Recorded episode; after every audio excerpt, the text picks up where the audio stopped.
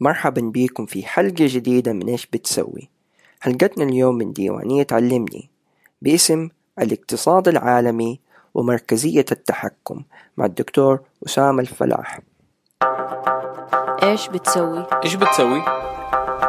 إيش بتسوي؟ إيش بتسوي؟ إيش بتسوي؟ إيش بتسوي؟ إيش بتسوي؟ إيش بتسوي؟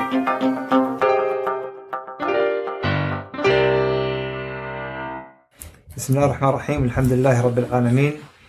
والصلاة والسلام على سيدنا محمد وعلى آله وصحبه أجمعين. رب اشرح لي صدري ويسر لي أمري. واحلل عقدة من لساني يفقه قولي.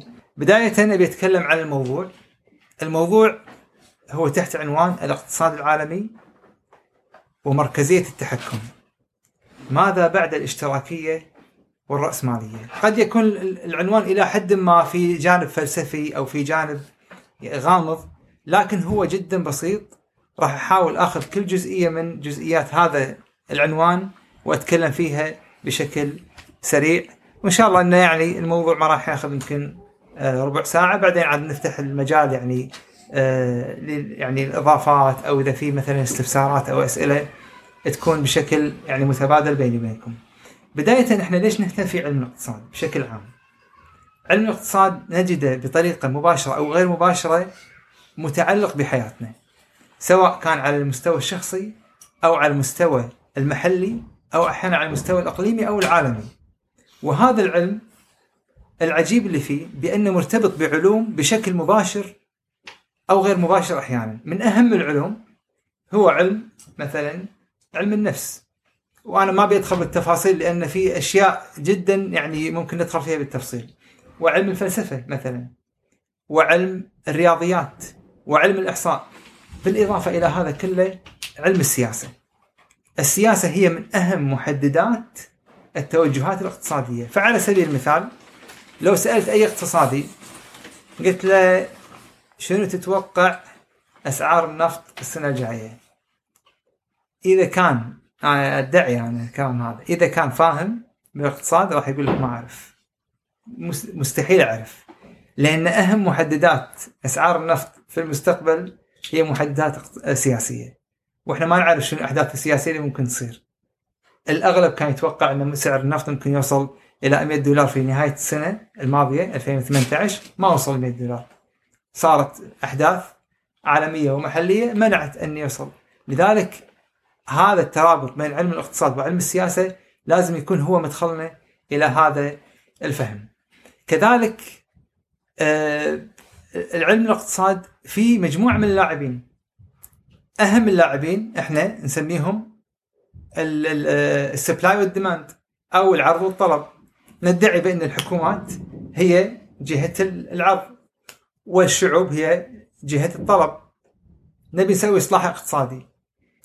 مثلا أنا الحين قاعد أكتب في البحث الدكتوراه إصلاحات اقتصادية للاستهلاك استهلاك الطاقة بنزين ماي كهرباء. من أهم المواضيع اللي قاعد يتكلمون عنها اللي قبلي يقولون ترى الإصلاح مو بس على الشعوب الإصلاح حتى في شيء يسمونه ال efficiency اللي هي جودة استخراج هذه الطاقة. معناته أن لو كان مثلا مبنى معين يستهلك طاقة معينة ممكن الحكومة تدعم مثلا العوازل أو تدعم مثلا النوافذ أو غيره فيصير عندنا جودة أعلى ويكون عندنا قدرة أعلى في جانب اللي اللي يسمونه سبلاي أو جانب ال- العرض. لكن حقيقة الموضوع مو متوقف على العرض والطلب في لاعبين آخرين مهمين. وهم ما يسمون بالتجار. التجار أحيانا لا يكونون في هذا الاتجاه ولا يكونون في هذا الاتجاه. يكونون في اتجاه متوسط ويكونون من أهم اللاعبين في علم الاقتصاد. على سبيل المثال في أعقاب الثورة الصناعية في أمريكا في 1920 تقريبا ألف آه، عفوا 1820 1825 إلى آخره. بدأت تظهر بعض العوائل اللي برزت عندها قدرات معينة وعندها آه، تجارة معينة سيطرت بطريقة مباشرة أو غير مباشرة على التجارة في أمريكا. فصار مثلا عندكم آه، روكفلر هو من أشهر تجار النفط. وهو يقال بأنه أثرى إنسان عبر التاريخ كله روكفلر وفي نفس الحقبة كان في واحد اسمه كارنيجي كارنيجي كذلك من اثرى الناس اللي كان متخصص في ال في ال steel كذلك عندنا آه، فاندربلت اللي كان متخصص كذلك في ال railways القطارات. وفي نفس الحقبة كذلك جي بي مورغان الاستثمارات. وفي نفس الحقبة كذلك ظهر هنري فورد وغيرهم.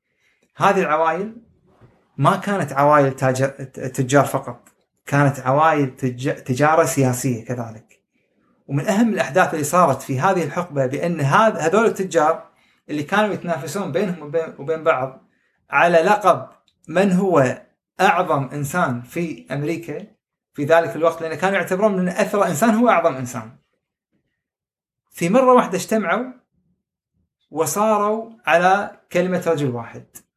لما جاء مرشح للرئاسة الأمريكية وقال أنا سأحارب الاحتكار.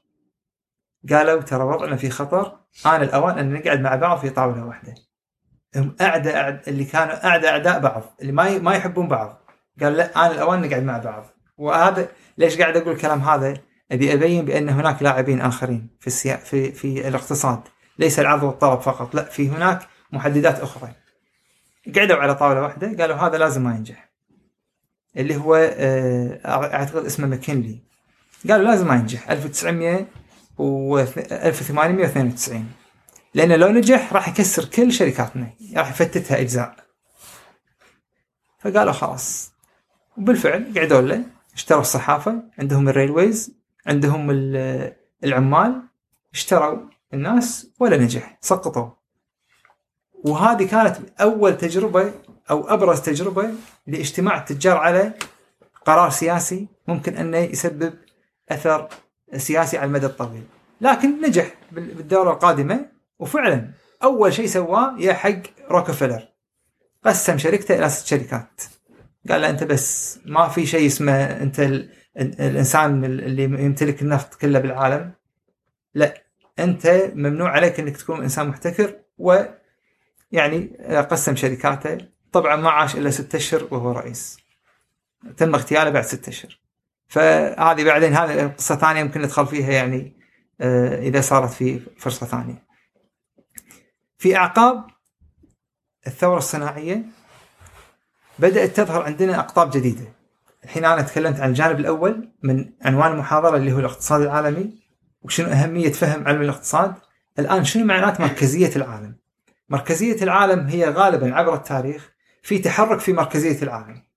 تكون في دولة قوية سياسيا أو قوية اقتصاديا أو قوية اجتماعيا وتكون هي تقريبا هي مركز العالم كانت إلى فترة قصيرة المملكة المتحدة الدولة التي لا تغيب عنها الشمس كانت هي تقريبا هي مركز العالم سواء على المستوى السياسي أو على المستوى الاقتصادي لكن من بدأ يقفل شمس أو أو نجم ال- ال- المملكة المتحدة بدأت تظهر فرص لمركز جديد للعالم وكانت أمريكا جاهزة بثورتها الصناعية بأن تكون هي مركز العالم الجديد بفكر جديد تبنته من خلال كاتب اسمه آدم سميث.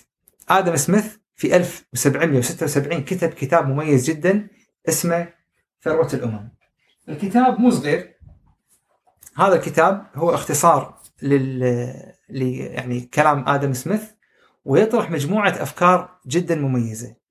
تبني أمريكا في ثورتها الصناعية لهذه الأفكار من خلال الإنتاج خطوط الإنتاج يعني آه، الغريب أن آدم سميث كتب في 1700 شيء كتب عن شيء اسمه خط الإنتاج.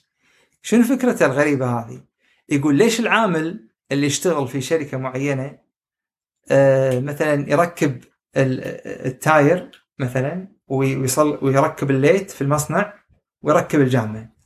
ليش ما نخلي عامل واحد بس التواير؟ بس ما عنده شغلة إلا إنه يكون يسمونه خط الإنتاج هذا. والثاني بس الليتات. والثالث هذا بال 1700 كاتبها. طبقها هنري فورد في تقريبا 1800 أو 1000 و- نهاية ال 1800 فالإنتاج من أفكار سميث التنافسية حرية الأسواق المصلحة الشخصية. المصلحة الشخصية هذه من من أكثر الأشياء اللي انتقد فيها آدم سميث. وقد يكون الانتقاد صحيح أو غير صحيح. ليش؟ عنده عبارة مشهورة يقول لا يمكن أن تحصل على إفطار أو عشاء لذيذ إلا بسبب أن هناك إنسان يبحث عن مصلحته الشخصية.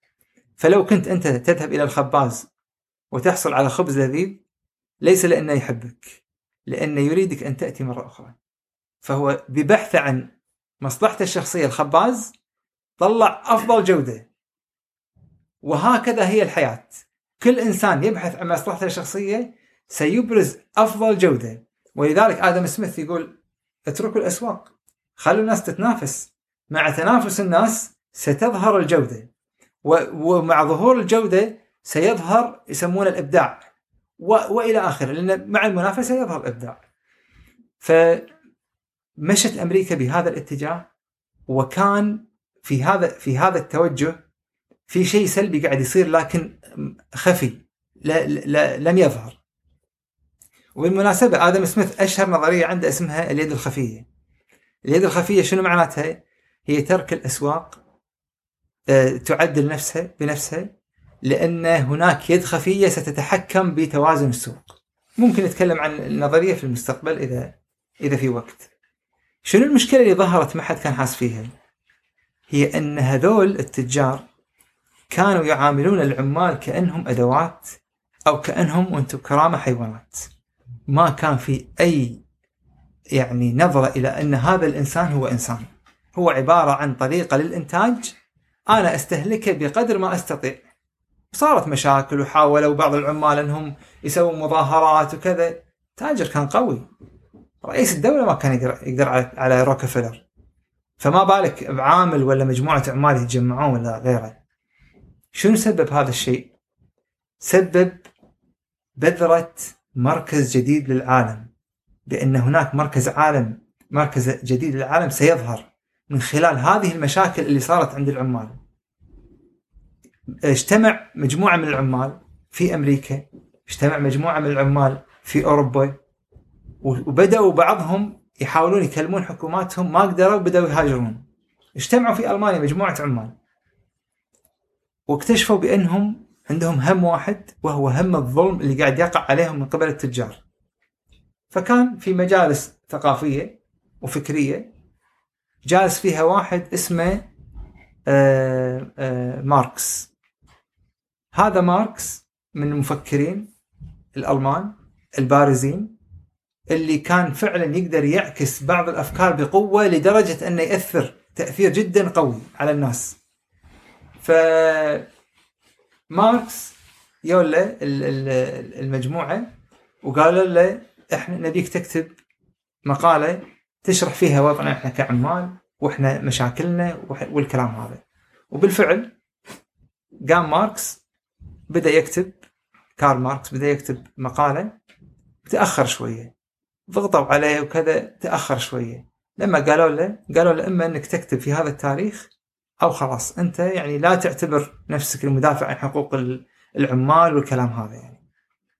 وسبحان الله ترى كثير من الأشياء ال- ال- ال- المبدعة اللي نسويها بحياتنا ترى غالبا تطلع من من ضغط. وقت ضغط ادفايزر ضغط مجموعة مقال أحيانا تكتبه وأنت مستعجل بس تلاقيه جدا مميز. لو تبي تعيده على الراحة ما تقدر تعيد بال... فكتب بيان وجهه إلى إلى الصحافة الألمانية سماه بيان الحزب الشيوعي. والغريب بان أصلا ما كان في شيء اسمه حزب شيوعي. كان بس بسبب الضغط اللي اللي وجه له حاول انه يسوي مثل بروباغندا أن ترى إحنا عندنا حزب كامل وإحنا جاهزين. وظهرت شرارة سماها بيان الحزب الشيوعي وكتب هذا الكتاب اللي هو البيان مع آه، زميله اسمه فريدريك أنجلز.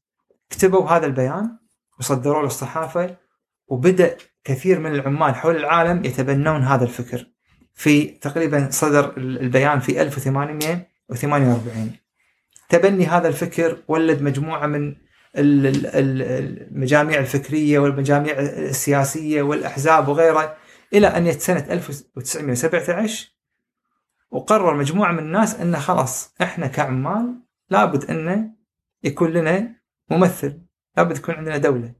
وكان الضحية أو كان أول جهة توجهوا لها اللي هي روسيا القيصرية. كانت روسيا يحكمها القياصرة في ذلك الوقت.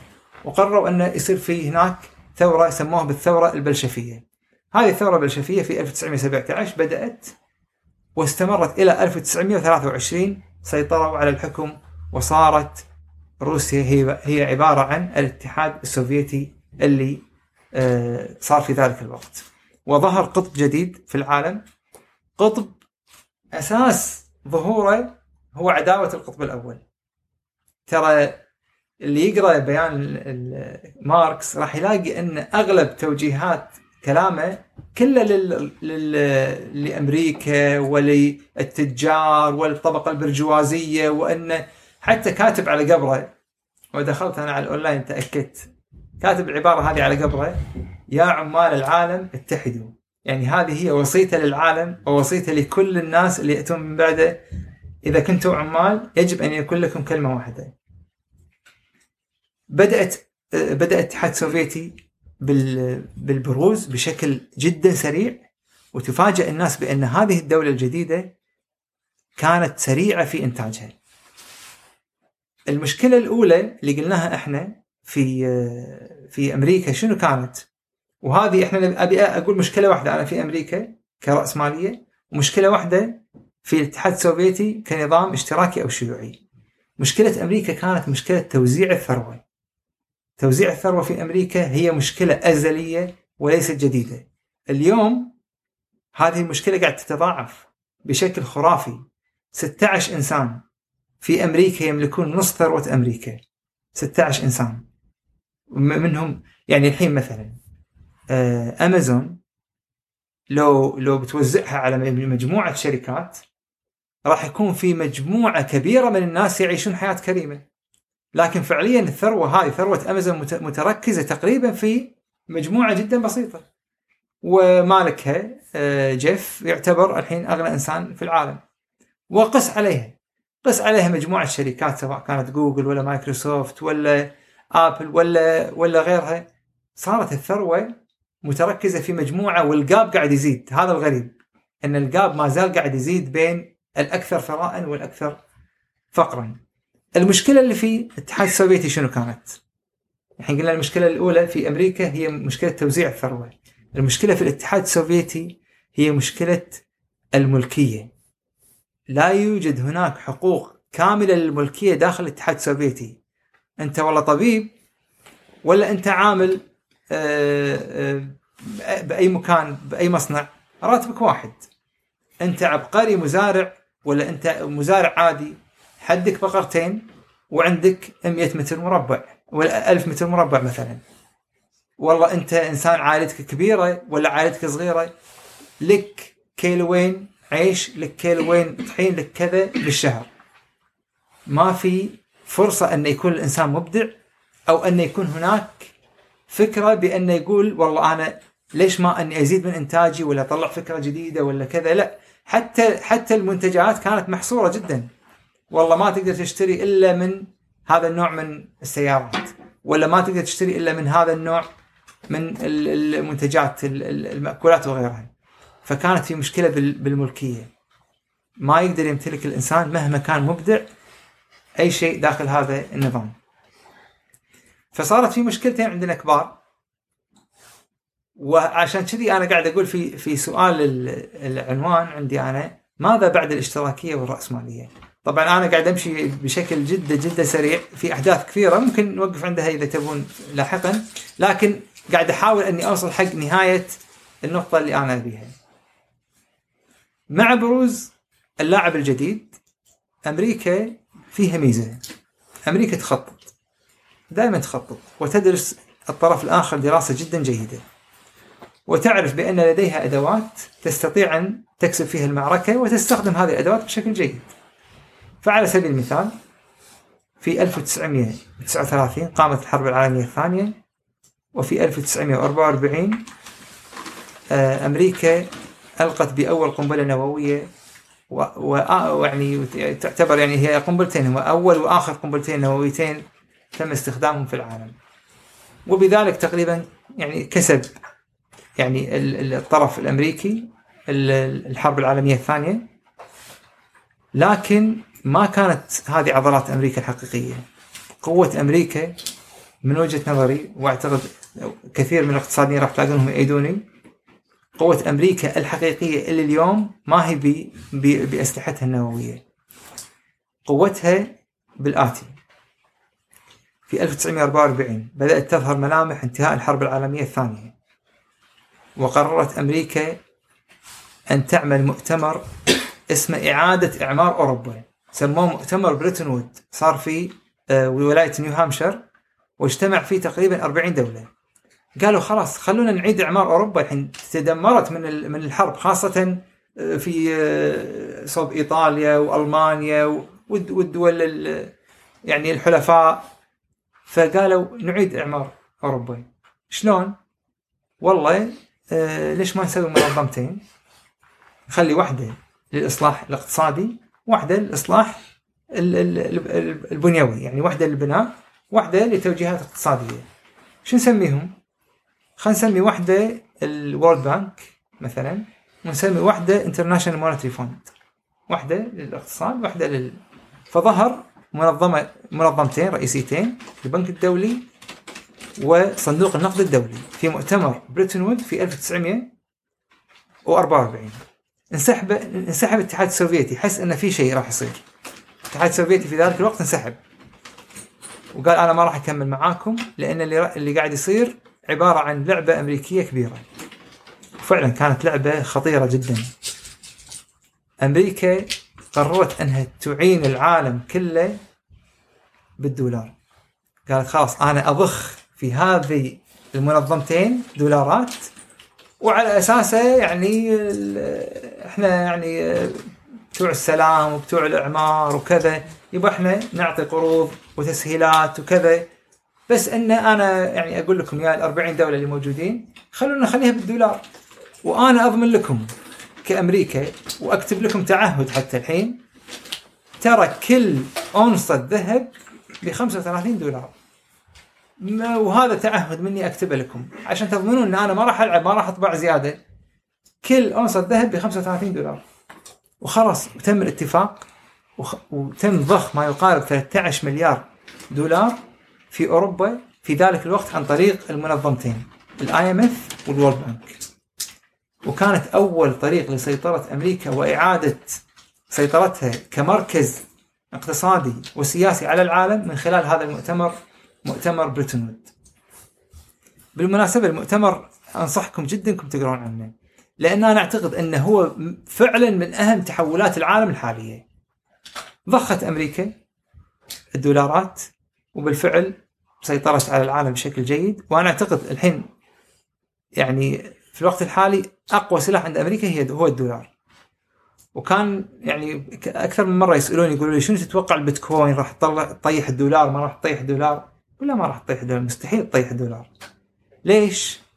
لو أمريكا شمت ريحة خطر على الدولار راح تنسفها نسف، راح تنسف ال- البيتكوين وكل العملات الإلكترونية بطريقة مباشرة أو غير مباشرة. لأن الدولار هو الخط الأحمر عند أمريكا. لأنه فعلا قاعد تسيطر على العالم بالدولار. بدأ الاتحاد السوفيتي بالمحاولات للنهوض مرة أخرى وفي 1956 أعلن بأنه يمتلك سلاح نووي وأمريكا مستمرة طبعا في آه، السيطرة على العالم عن طريق ال- الدولارات. بدأ التنافس على مستوى ال- الرياضي على مستوى سباق التسليح النووي على مستوى سباق ال- ال- الفضاء بين قطبين العالم اللي هم كل واحد يحاول أن يكون هو مركز العالم الجديد لهذه ال- الحقبة. وكان هذا التنافس يولد في بعض الأحيان خسارة للطرفين. في عندنا نظرية بالاقتصاد نسميها game theory فكرة ال game theory شنو؟ بأن ال- الطرفين يعني أي طرفين في الجيم ثيري يتخذون قرارات ليست من مصلحتهم لكن بناء على توقع الأسوأ من الطرف الآخر. يعني تخيل مثلا أنا ومحمد ما نقعد مع بعض.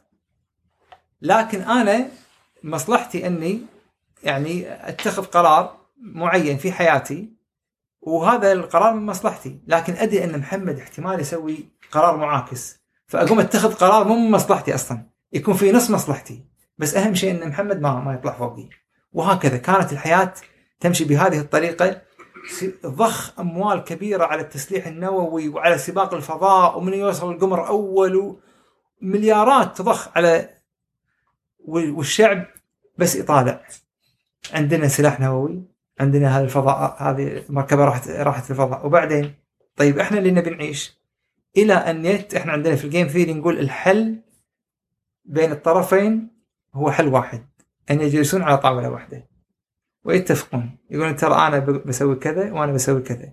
وبالفعل 1986 راح ريغن قاعد مع غورباتشوف قال يبا خلاص ما صارت هالمليارات.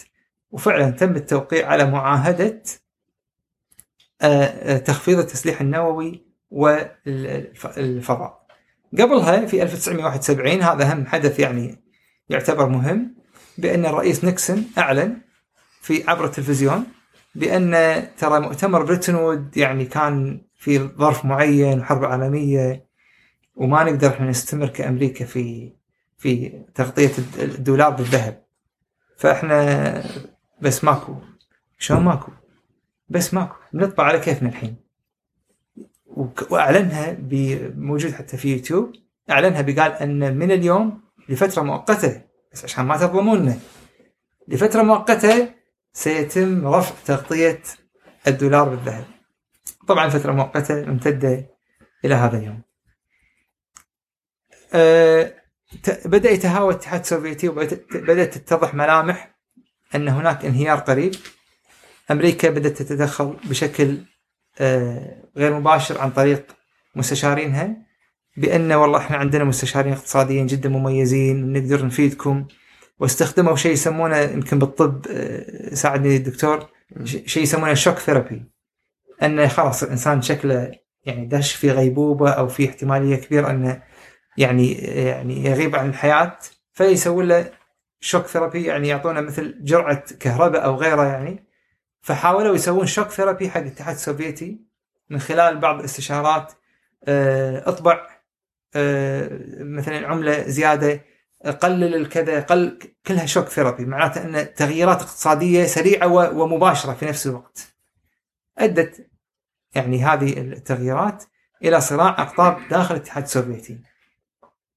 أقطاب قطب ي- يعتبر الطبقة المخملية اللي هم أهل روسيا وطبقة العمال اللي هم أهل الثورة الأساسية 1917 اللي هو غورباتشوف وبالمقابل بوتين يعتبر من الطبقة المخملية أهل روسيا أهل روسيا شو يقولون؟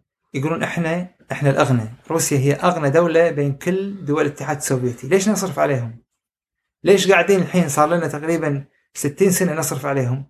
خنفلها أما أهل الثورة اللي هم ثورة ال- ال- الشيوعية قالوا لا لازم نحافظ على هذا الكيان إلى آخره. وظلت ظل الصراع إلى مدى سنوات إلى أن يت 1991 ديسمبر آه، انتهى الموضوع وبدأت تتضح ملامح انتهاء ال- الاتحاد السوفيتي. واضطر يعني حتى يلس غورباتشوف هو المؤتمر الصحفي في مكان يدخل الغرفة ويرجع ويدخل غرفه ويرجع. مو قادر يوقع على على أن اللي هو إنهاء الاتحاد السوفيتي وتحرير بقية الدول يعني. وحتى يعني واحد من المستشارين يقول يقول شفته بعد التوقيع قاعد على يعني على قنفة داخل يبكي وهو غورباتشوف. يا بيوقع من المفارقات ال- العجيبة اللي صارت أن كانت CNN توها طالعة. فمراسل CNN واقف يم غورباتشوف و- ويا غورباتشوف يعني ب- بربكته وكذا يبي يوقع على إنهاء الاتحاد السوفيتي لا يوجد اتحاد سوفيتي بعد اليوم. يوقع القلم ما يكتب. يوقع القلم ما يكتب. فقام مراسل CNN قال له الحين وقع. يعني كأن إحنا بإرادتنا سيسقط هذا النظام. وفعلا خذ قلم مراسل CNN وقع وانتهى الاتحاد السوفيتي في ذلك الوقت. انفردت أمريكا في في مركزية العالم إلى هذا اليوم. لكن شنو نتوقع؟ الحين بختم كلامي لأن أتوقع طولت عليكم شوية. شنو نتوقع ما بعد انفراد أمريكا في مركزية العالم؟ أتوقع والله أعلم بأن مركزية العالم تت- تتحول يعني لأنها عبر التاريخ تتحول. ما في أحد استقر ظل مركز للعالم مدى الحياة. فهذا أتوقع شيء طبيعي. لكن شنو نوع التغير؟ نوع التغير أعتقد بأن سيكون هناك مراكز للعالم وهذا قد يكون شيء جديد ما صار من قبل بأن هناك مراكز للعالم ليس مركز واحد شنو معنات مراكز للعالم؟ معناته أن مثلا الصين عندها حلفاء وعندها فكر وعندها مجموعة معناته أن هناك أمريكا عندها حلفاء وعندها فكر ومجموعة أوروبا يمكن آه، مثلا دول الشرق الأوسط آه، يكون عندها حلفاء سبب ذلك هو أن هناك تكنولوجيا ثورة تكنولوجية سببت بأن هناك لا حاجة بأن يكون مر هناك مركز واحد فقط للعالم. المركز قد يتغير لكن قد يتنوع في المستقبل وهذا قد يكون شيء جديد بأن مركزية العالم والله أعلم لن تكون متركزة في مكان واحد قد تكون هناك مراكز للعالم على المستوى السياسي وعلى المستوى الاقتصادي. والسبب الآخر بأن أمريكا قد لا يهمها أن تكون مركز العالم يعني كثير من الأصوات تنادي في الفترة الحالية بأن ليش إحنا نكون شرطي العالم؟ نحل مشكلة هذاك ونتدخل في هذا وندعم هذا لا إحنا ليش ما نركز علينا كدولة إحنا؟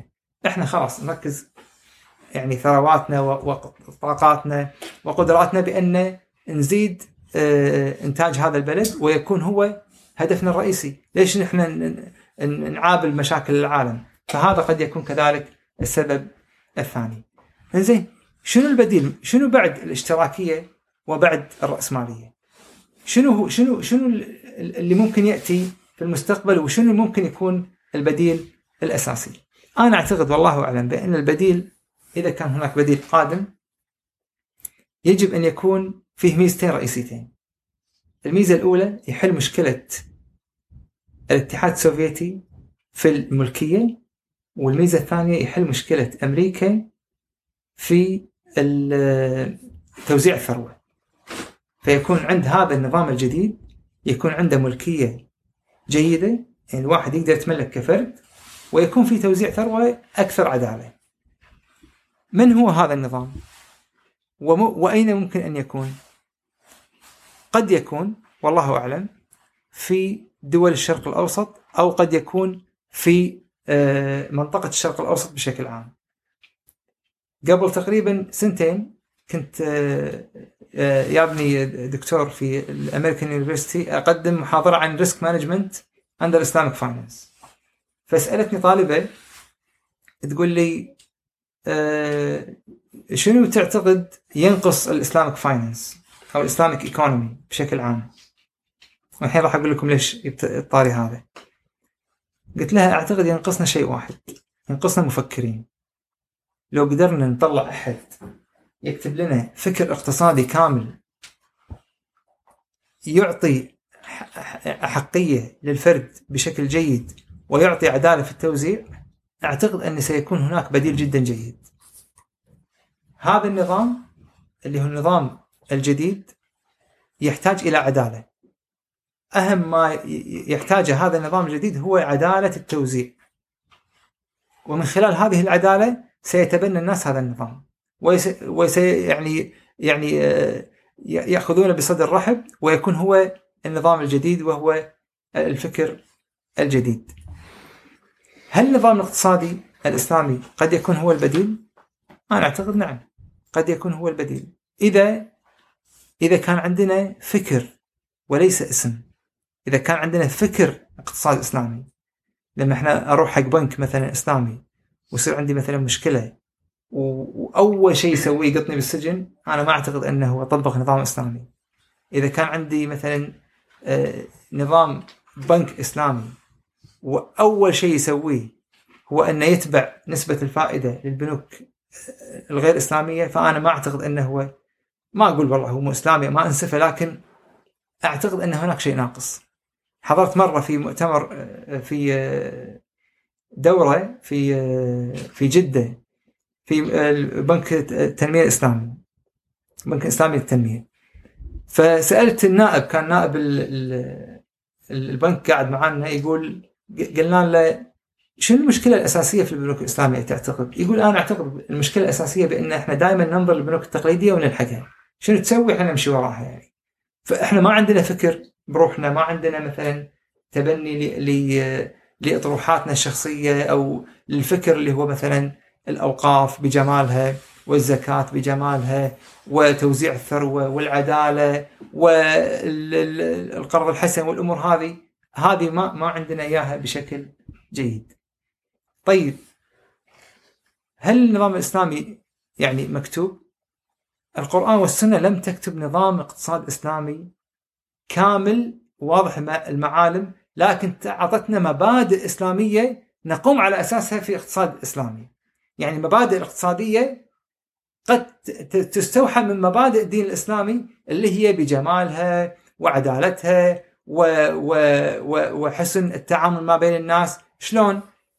الملكية على سبيل المثال لها خمسة شروط في الإسلام. الملكية يجب أن يكون فيها انتفاع. يعني لازم يعني واحد لما يمتلك شيء أرض مثلا تنتفع فيها ما تخليها معلقة تخليها والله فاضية بس أنا أملكها. لا يا إنك تنتفع فيها وتشغلها يا إنك تخليها للسوق. الشيء الثاني استخدام نافع لها. انك تستفيد منها بشيء نافع للناس. أن يكون عندك حيازة مشروعة. والله على أي أساس أنت خذيتها؟ هل أنت خذيتها يعني بطريقة مشروعة أو غير مشروعة؟ التوازن بالاستخدام لا إفراط ولا تفريط. والشيء الخامس في الملكية هو الزكاة. ماذا عن توزيع الدخل؟ واللي هي المشكلة الثانية في ال ال الرأسمالية. أول شيء لازم نعرف شغلة بأن الإسلام لا يقر التطبيق الجامد للمساواة. مو الكل خلاص هير كات كلنا واحد. لا. شنو يقول الله سبحانه وتعالى في في القرآن الكريم؟ وأن ليس للإنسان إلا ما سعى. معناته أن الإنسان بسعيه وعمله وجهده قد يحصل على رزقه. كذلك الله فضل آه، من الشيطان الرجيم. الله فضل بعضكم على بعض في الرزق. معناته أن في تفضيل. مو مو لازم الكل يكون سواسية لكن ممكن يكون أحد عنده جهد أفضل ويحصل على شيء أكبر. ومع ذلك يحث الإسلام أن يكون المال متداول بين الجميع. إيش تقول الايه الكريمه؟ كي لا يكون دولة بين الأغنياء منكم، معناته أن الأموال لا يجب أن تكون متداولة بس بين الأغنياء، لا متداولة بين عموم الناس، وهذا اللي أكد عليه الرسول صلى الله عليه وسلم لما قال: ما آمن بي من من بات شبعانا وجاره جائع. معناته ها بعض المفاهيم تؤكد لنا بأن هناك فكر في توزيع الثروة بشكل جدا جيد. أنا أدري إني مشيت بشكل سريع وقفزت قفزات سريعة قد تكون يعني يعني لخبطت ال ال الأفكار أو يعني آه، يعني ما كانت آه، يعني آه، متسلسلة بسبب ضيق الوقت لكن هذه هي الفكرة. بأن الاقتصاد العالمي وإن كان يمر في مراحل تغير المراكز إلا أنا أعتقد بأن فرصة الاقتصاد الإسلامي بفكرة وهذا بالمناسبة كتاب جدا جميل اسمه النظام الاقتصادي آه، النظم الاقتصادية يشرح عن الرأسمالية وعن الاشتراكية وعن النظام المالي الإسلامي حق دكتور اسمه عبد الوهاب الأمين. كذلك في كتاب اسمه اقتصادنا حق آه، محمد باقر الصدر كذلك كتب في 1971 تقريبا. جدا جميل يشرح عن الفكر الاشتراكي والرأسمالي ثم يطرح الفكر الإسلامي كبديل. وأساس الب- البديل هو عدالة التوزيع. فأعتقد والله أعلم بأن إذا كان يعني إذا كنا نريد أن نكون مركزا للعالم بشكل جيد اقتصاديا وفكريا واجتماعيا علينا أن نتبنى كأفراد وكدول فكر آه، توزيع الثروة بشكل جيد وفكر الملكية بشكل جيد أشكركم جزيلا على حسن الاستماع وأعتذر على أيوة.